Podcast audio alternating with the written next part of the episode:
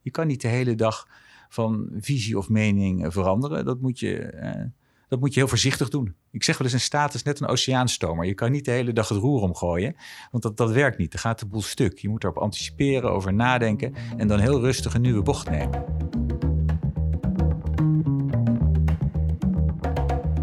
De rechtsstaat. We leven er allemaal in zonder dat we daar nu dagelijks even uitgebreid bij stilstaan. Want onze rechtsstaat is toch hartstikke sterk? We leven per slot van rekening niet in Polen, waar politici besluiten van rechters zomaar terzijde willen schuiven, of in Hongarije, waar de rechterlijke macht wordt ingeperkt en de vrijheid van meningsuiting wordt onderdrukt. Nee, dit is Nederland.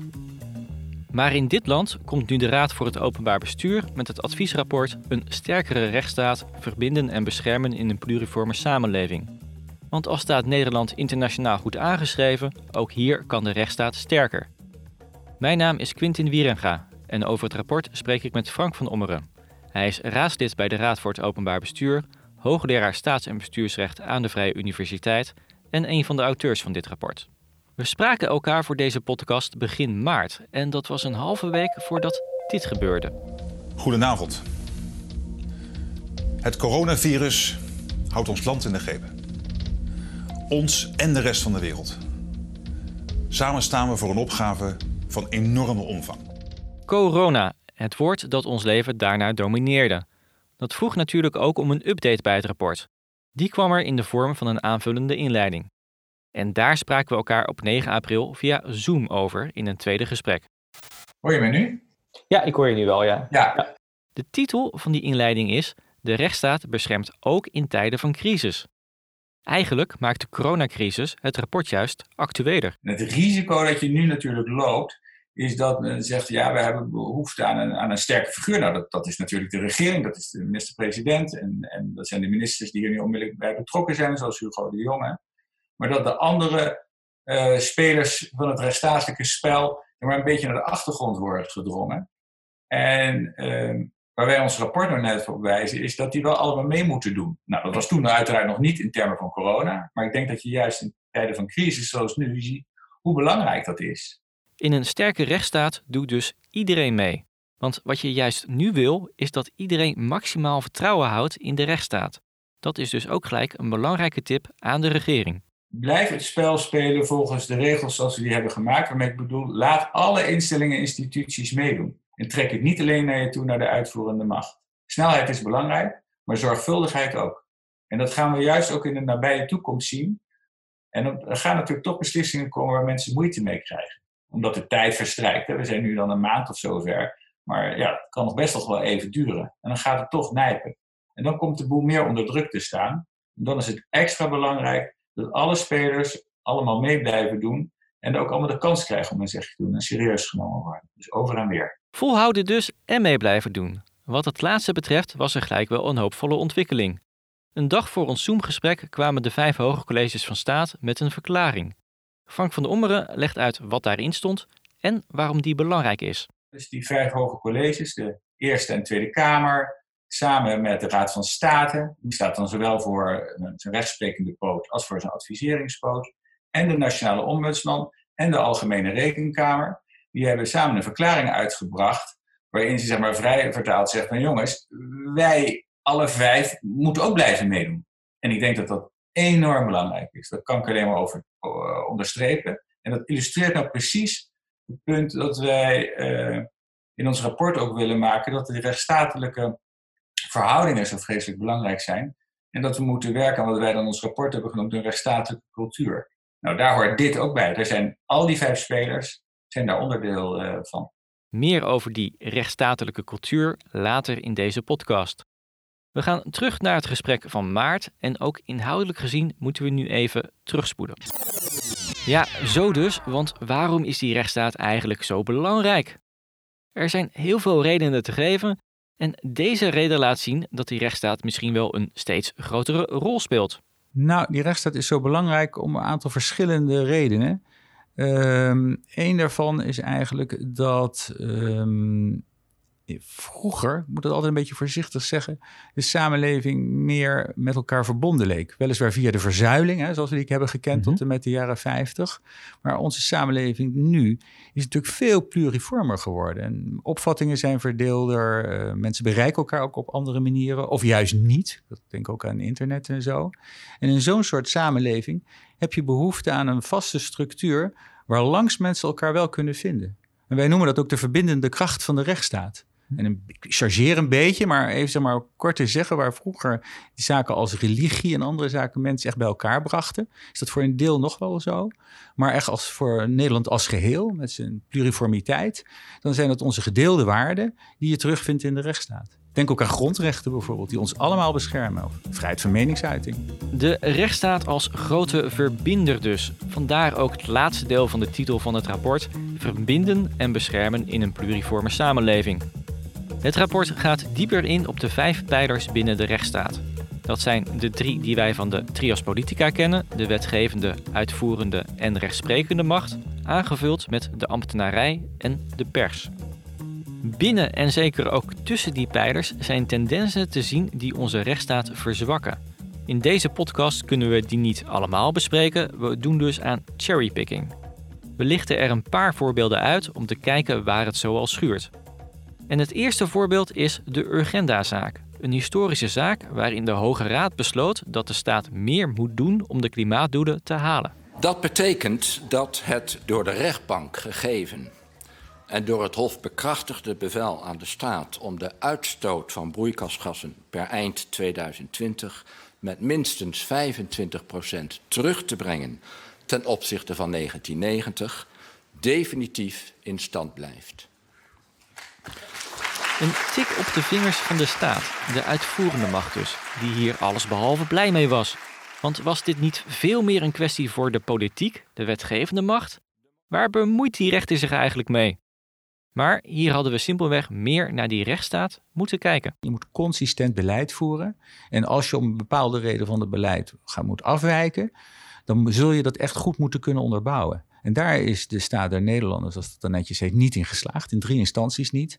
En met name de Hoge Raad heeft ook enorm onderstreept dat het daar echt zeg maar, het uh, belangrijkste breekpunt is. Waarom iets wat je in het verleden als dacht, nou, daar kan ik toch niet helemaal aan gehouden worden dat je er nu toch aan wordt gehouden. En dat heeft voor, niet alleen, maar voor een belangrijk deel te maken met het uh, je niet aan je eigen beleid houden. En dat is nou net wat in een rechtsstaat wel hoort. De consistentie-eis is niet de enige, maar is een hele belangrijke spelregel voor overheden omdat burgers en bedrijven en maatschappelijke organisaties anders hun eigen overheid niet goed kunnen vertrouwen. Je kan niet de hele dag van visie of mening veranderen. Dat moet je, eh, dat moet je heel voorzichtig doen. Ik zeg wel eens, een staat is net een oceaanstomer. Je kan niet de hele dag het roer omgooien, want dat, dat werkt niet. Dan gaat de boel stuk. Je moet erop anticiperen, over nadenken en dan heel rustig een nieuwe bocht nemen.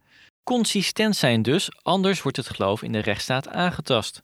Urgenda is een mooi voorbeeld, maar ook een uniek voorbeeld. Want de Urgenda-zaak was heel complex. De rechters moesten een oordeel vellen over juridisch gezien vage normen zoals de klimaatnorm. Normaal gesproken is het recht veel meer recht toe, recht aan. De talloze wetten die wij in Nederland hebben, zijn voor rechters vaak heel duidelijk. Zoals in een ander voorbeeld, waarin ook de rechterlijke macht het openbaar bestuur terugfluit. Dat gaat over het Cornelius Haga Lyceum in Amsterdam. Minister Slop wilde het bestuur van die islamitische middelbare school wegsturen. Er waren zorgen over salafisme, het bestuur zou kwalitatief gezien niet goed genoeg zijn en die minister vond ook dat er financieel wanbeleid was. Maar de rechtbank in Amsterdam was heel duidelijk. Slop ging met zijn eis buiten zijn boekje. De rechtbank is het niet eens met de minister dat de school openlijk afstand moet nemen van personen met een omstreden salafistisch gedachtegoed en omstreden gedachtegoed met de leerlingen moet bespreken. Hoe een school hiermee omgaat, wordt namelijk niet in de burgerschapsopdracht geregeld. De keuzes die CIO hierin maakt, vallen binnen de vrijheid van onderwijs.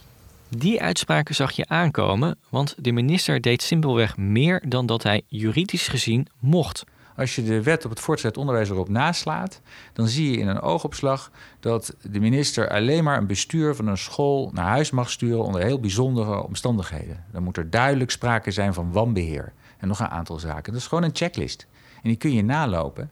En ja, als de minister dan niet in slaagt om aan te tonen dat er wanbeheer is, maar dat hij eigenlijk om hele andere redenen gaat, de reden die jij ook echt net al noemt, ja, daar heeft de wet hem niet toe bevoegd gemaakt.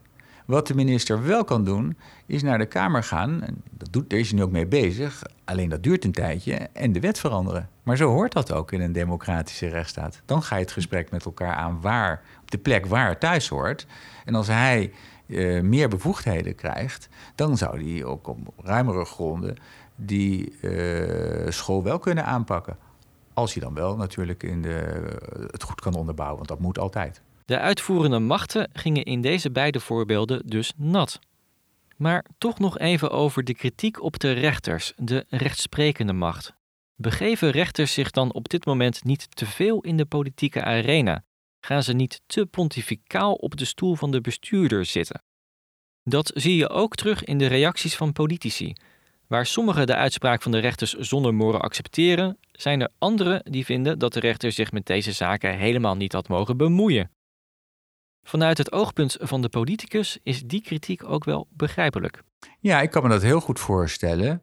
Want politici die zijn natuurlijk in eerste instantie om de hoofdlijnen uit te zetten. En, en, ja, in die zin hebben ze ook letterlijk de macht.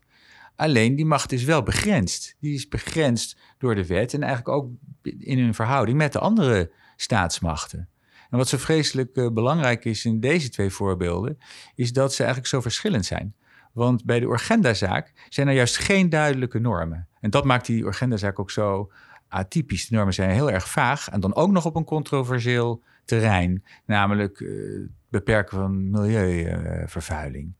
en de Haga-zaak is ook op een controversieel terrein. Dat zal volkomen duidelijk zijn. Dus dat hebben ze gemeenschappelijk. Maar het grote verschil is dat bij Haga de normen heel scherp zijn. En dan kun je niet zeggen, rechter, je gaat op de stoel van de politiek zitten. Nee, die rechter doet niets anders dan netjes de wet toepassen en kijken of de minister zich aan de regels van de wet houdt. Als wij dan inderdaad een democratische rechtsstaat zijn, moeten politici dan wel kritiek uiten op de rechtsprekende macht?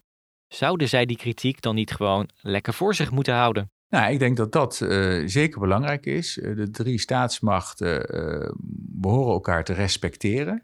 Dat moet over en weer gebeuren. En niet de hele tijd te bekritiseren. Je mag best oneens zijn met elkaar, maar dan moet je maatregelen nemen. Kijk, die Haga Lyceum, overigens vind ik dat de minister van Onderwijs dat heel netjes doet. Hij leeft de uitspraak gewoon na en hij bekritiseert hem ook niet. Wat hij doet is, en dat is eigenlijk zeg maar de koninklijke weg, als je als wetgever of als minister niet met een uitspraak eens bent, dan moet je de uitspraak zelf naleven. Dat kan niet anders. Maar je kunt voor de toekomst de regels aanpassen. En dat is ook zoals je het moet doen. En dat vind ik dus een goede manier. Maar waar ik moeite mee heb, uh, is als men uh, gaat zeggen: ja, de rechter gaat er nou met de bal vandoor voor datgene wat de wetgever of bestuur had moeten doen. Dat is, niet, dat is zeg maar meer kritiek op de institutie. In plaats van gewoon zelf uh, op te treden. En dat laatste vind ik dus misplaatst. Oneens zijn mag dus best, maar zoek de oplossing van je meningsverschil wel binnen de rechtsstaat. Als we dan even door blijven gaan op de uitvoerende macht, dan moeten we niet vergeten dat die eigenlijk ontzettend veel mag. Alhoewel het lastig is om een minister met een burgemeester te vergelijken of een gedeputeerde met een wethouder. Maar ook hier blijft altijd gelden: respecteer en ken de rechtsstaat. Bijvoorbeeld als we het hebben over burgemeesters die demonstraties willen verbieden als het gaat om even wat voorbeelden te noemen, Zwarte Piet of Pegida. Je kan dan denken dat mogen ze doen als ze vrezen voor de openbare orde. Nou is het verleidelijk voor burgemeesters om dan een soort van afweging te gaan maken, waarbij die ook kijkt naar de inhoud van de demonstratie, waar het over gaat. Maar dat mag dus niet. Het is niet de bedoeling dat die burgemeester gaat denken van nou hier ben ik het eigenlijk helemaal niet mee eens en hier, ah, dat begrijp ik wel een beetje en dat ga ik dan afwegen. Dat is niet de bedoeling. Daar is vaker op gewezen door de rechter, ook door de ombudsman. Een uh, demonstratie, daar kan geen uh, vergunning voor worden verleend. Als er echt vrees is voor wanordelijkheden die je ook niet in de hand hebt. Hè. Als de zaken echt uit de hand lopen, ja, dan valt het kwartje de andere kant op. Maar dat staat dus los van de inhoud van de reden waarom er gedemonstreerd wordt. Of dat nou is uh, kick-out Zwarte Piet of juist uh, Sinterklaas in tocht of een totaal ander onderwerp. Het is juist het goede vind ik, uh, van ons land en van de meeste westerse rechtsstaten, westerse democratieën, dat het niet de bedoeling is dat de overheid voor jou gaat beslissen waar je het wel of niet uh, mee eens moet zijn. En dus wel of niet mag demonstreren. Maar is dat niet een veel te groot grijs gebied in de praktijk? Want je weet, je kan nooit 100% voorspellen waardoor er wanordelijkheden uitgebreken, uit, uh, uiteraard. Nou, dat is ook zo. Daar zit ook gewoon een grijs gebied in. En het is ook heel moeilijk om die afweging te maken. Dus wat dat betreft begrijp ik ook wel dat dat niet iets eenvoudigs is voor zo'n burgemeester om te doen. Maar ik zou juist zeggen, als je dat rechtsstatelijk benadert, dat moet je ook houvast geven. De, de, scherpe instructie van de wet en daarmee ook van de rechter en de ombudsman, van ook al is het lastig, probeer echt te abstraheren van die inhoudelijke afwegingen en kijk alleen maar naar die kant van de wanordelijkheden en hoe je het wel in goede banen kan leiden. Is het realistisch? Wat valt er te verwachten? Dat die beperking, die geeft ook houvast. Dat moet ook een steun, hoe moeilijk het ook is, ook een steun in de rug zijn. Van met die en die factoren mag ik geen rekening houden en met die en die factoren wel. Dan kan ik ook beter als burgemeester mijn beslissing op baseren. De rechtsstaat zit je dus niet in de weg als bestuurder, maar is juist een steun in de rug. Het is de hoeksteen waarop je beslissingen moeten rusten. Wat we nu nog niet hebben benoemd, is dat voor een gezonde, sterke rechtsstaat ook de wetgevende macht van levensbelang is dan hebben we het over onze politici die de wetten mogen maken en aanpassen.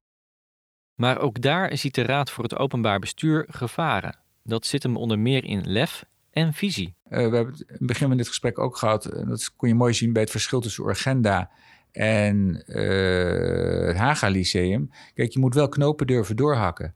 En pas stikstof is daar ook een goed voorbeeld van. Op milieuterrein vinden de huidige kabinet hebben er heel veel moeite mee gehad om beslissingen te nemen. En dat stilzitten, wat, wat uitstellen of dingen doen die niet conform het Europese recht zijn, zoals bij stikstof, ja, dat zijn beslissingen die men anders had moeten doen, maar had veel meer echt als, als politiek het debat met elkaar moeten aangaan. Op een gegeven moment deur, moeten durven zeggen: jongens, zo gaan we het doen in dit land. En als je dingen uitstelt, kijk naar Urgenda, of beslissingen neemt die gewoon echt niet kunnen, zoals bij stikstof, ja, dan is dat dood en doodzonde. Dan ben je jaren verder. Geef dus houvast, durf keuzes te maken en denk aan het belang van de rechtsstaat, is het advies voor de politici. Het rapport noemt veel meer voorbeelden van waar het schuurt binnen en tussen die vijf pijlers, ook binnen de ambtenarij en de journalistiek. Het zou volgens de Raad al veel minder schuren als onze rechtsstaat responsiever wordt. Denk bij wet en regelgeving dus ook vanuit de burger. Niet alleen bij het maken, maar juist ook bij de uitvoering en interpretatie. Een responsieve rechtsstaat biedt ook juist het openbaar bestuur een duidelijke lijn. Regels moeten houvast geven, met name aan het openbaar bestuur. Uiteindelijk natuurlijk ook aan de burger, maar het kan ook wel eens in het belang zijn van die burger om te denken van nou, vult die regel nog wel een goede functie? Voor die burger? En is het echt nodig? En wie heeft er eigenlijk last van als we in dit geval nou afwijken? Uh, dat is iets wat de uitvoerende macht en de ondersteuning in de ambtenarij niet zo heel erg snel zal doen. Die zijn daar ook niet in getraind. En je moet er ook wel voorzichtig mee zijn, want het kan heel goed zijn dat anderen dan de betrokken burger opeens in de problemen komen als je je niet aan de regels houdt.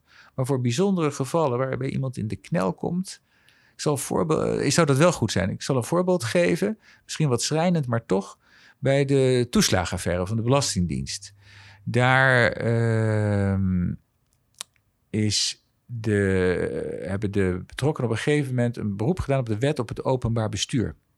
En als de minister heeft daar ook op eh, gereageerd, of was staatssecretaris, hij is nu afgetreden, het was nog voor de jaarwisseling. En wat deed die staatssecretaris toen? Dat was eigenlijk volkomen correct. Hij lakte uit privacyoverwegingen lakte die allerlei gevoelige passages weg. Die mensen die hebben het al zo ontzettend moeilijk. Die zijn echt op een afschuwelijke manier in de verdrukking gekomen. En het toont dan zoveel onbegrip als je dan misschien naar de regel wel correct maar uit al die zwarte pagina's komt, ja, daar had, had men nou in mijn ogen veel minder formalistisch moeten reageren. Maar echt even moeten nadenken van, nou, hoe gaan we dit uitleggen? Zoek een alternatief, maar doe iets. Maar laat die mensen niet zo met een dikke klapper met zwart papier ja, zadel ze daar gewoon niet meer op. Dat is zo'n ontzettende klap na. Waar de Raad voor het Openbaar Bestuur nu voor vreest, is dat het zogeheten rechtsstatelijk tekort, dus alle tendensen die onze rechtsstaat ondermijnen, oploopt. Maar dat tekort moet net als bijvoorbeeld een financieringstekort of handhavingstekort juist zo klein mogelijk worden. En daarmee komen we weer terug bij de rechtsstatelijke cultuur die we aan het begin van de podcast noemden.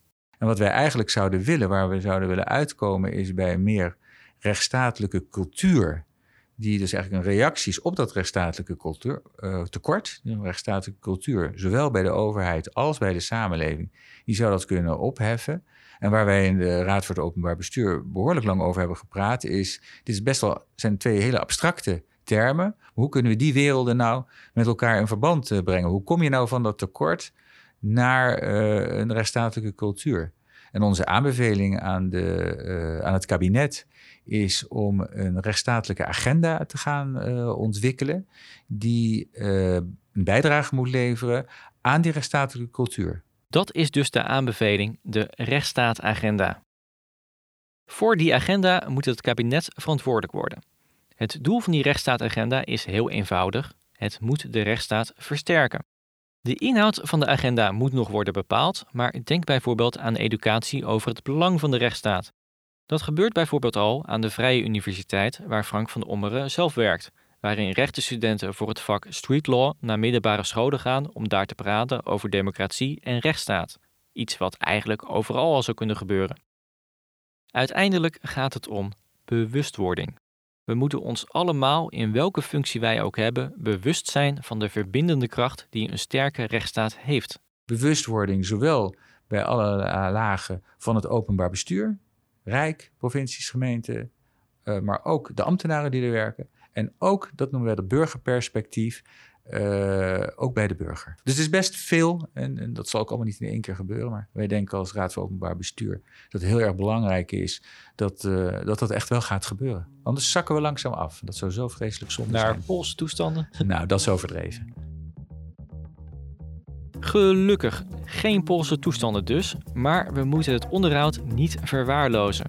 Willen we een sterkere rechtsstaat die ons verbindt en beschermt in die pluriforme samenleving die wij hebben, juist in deze tijd? Dan moet de rechtsstaat bij iedereen on top of mind zijn en blijven.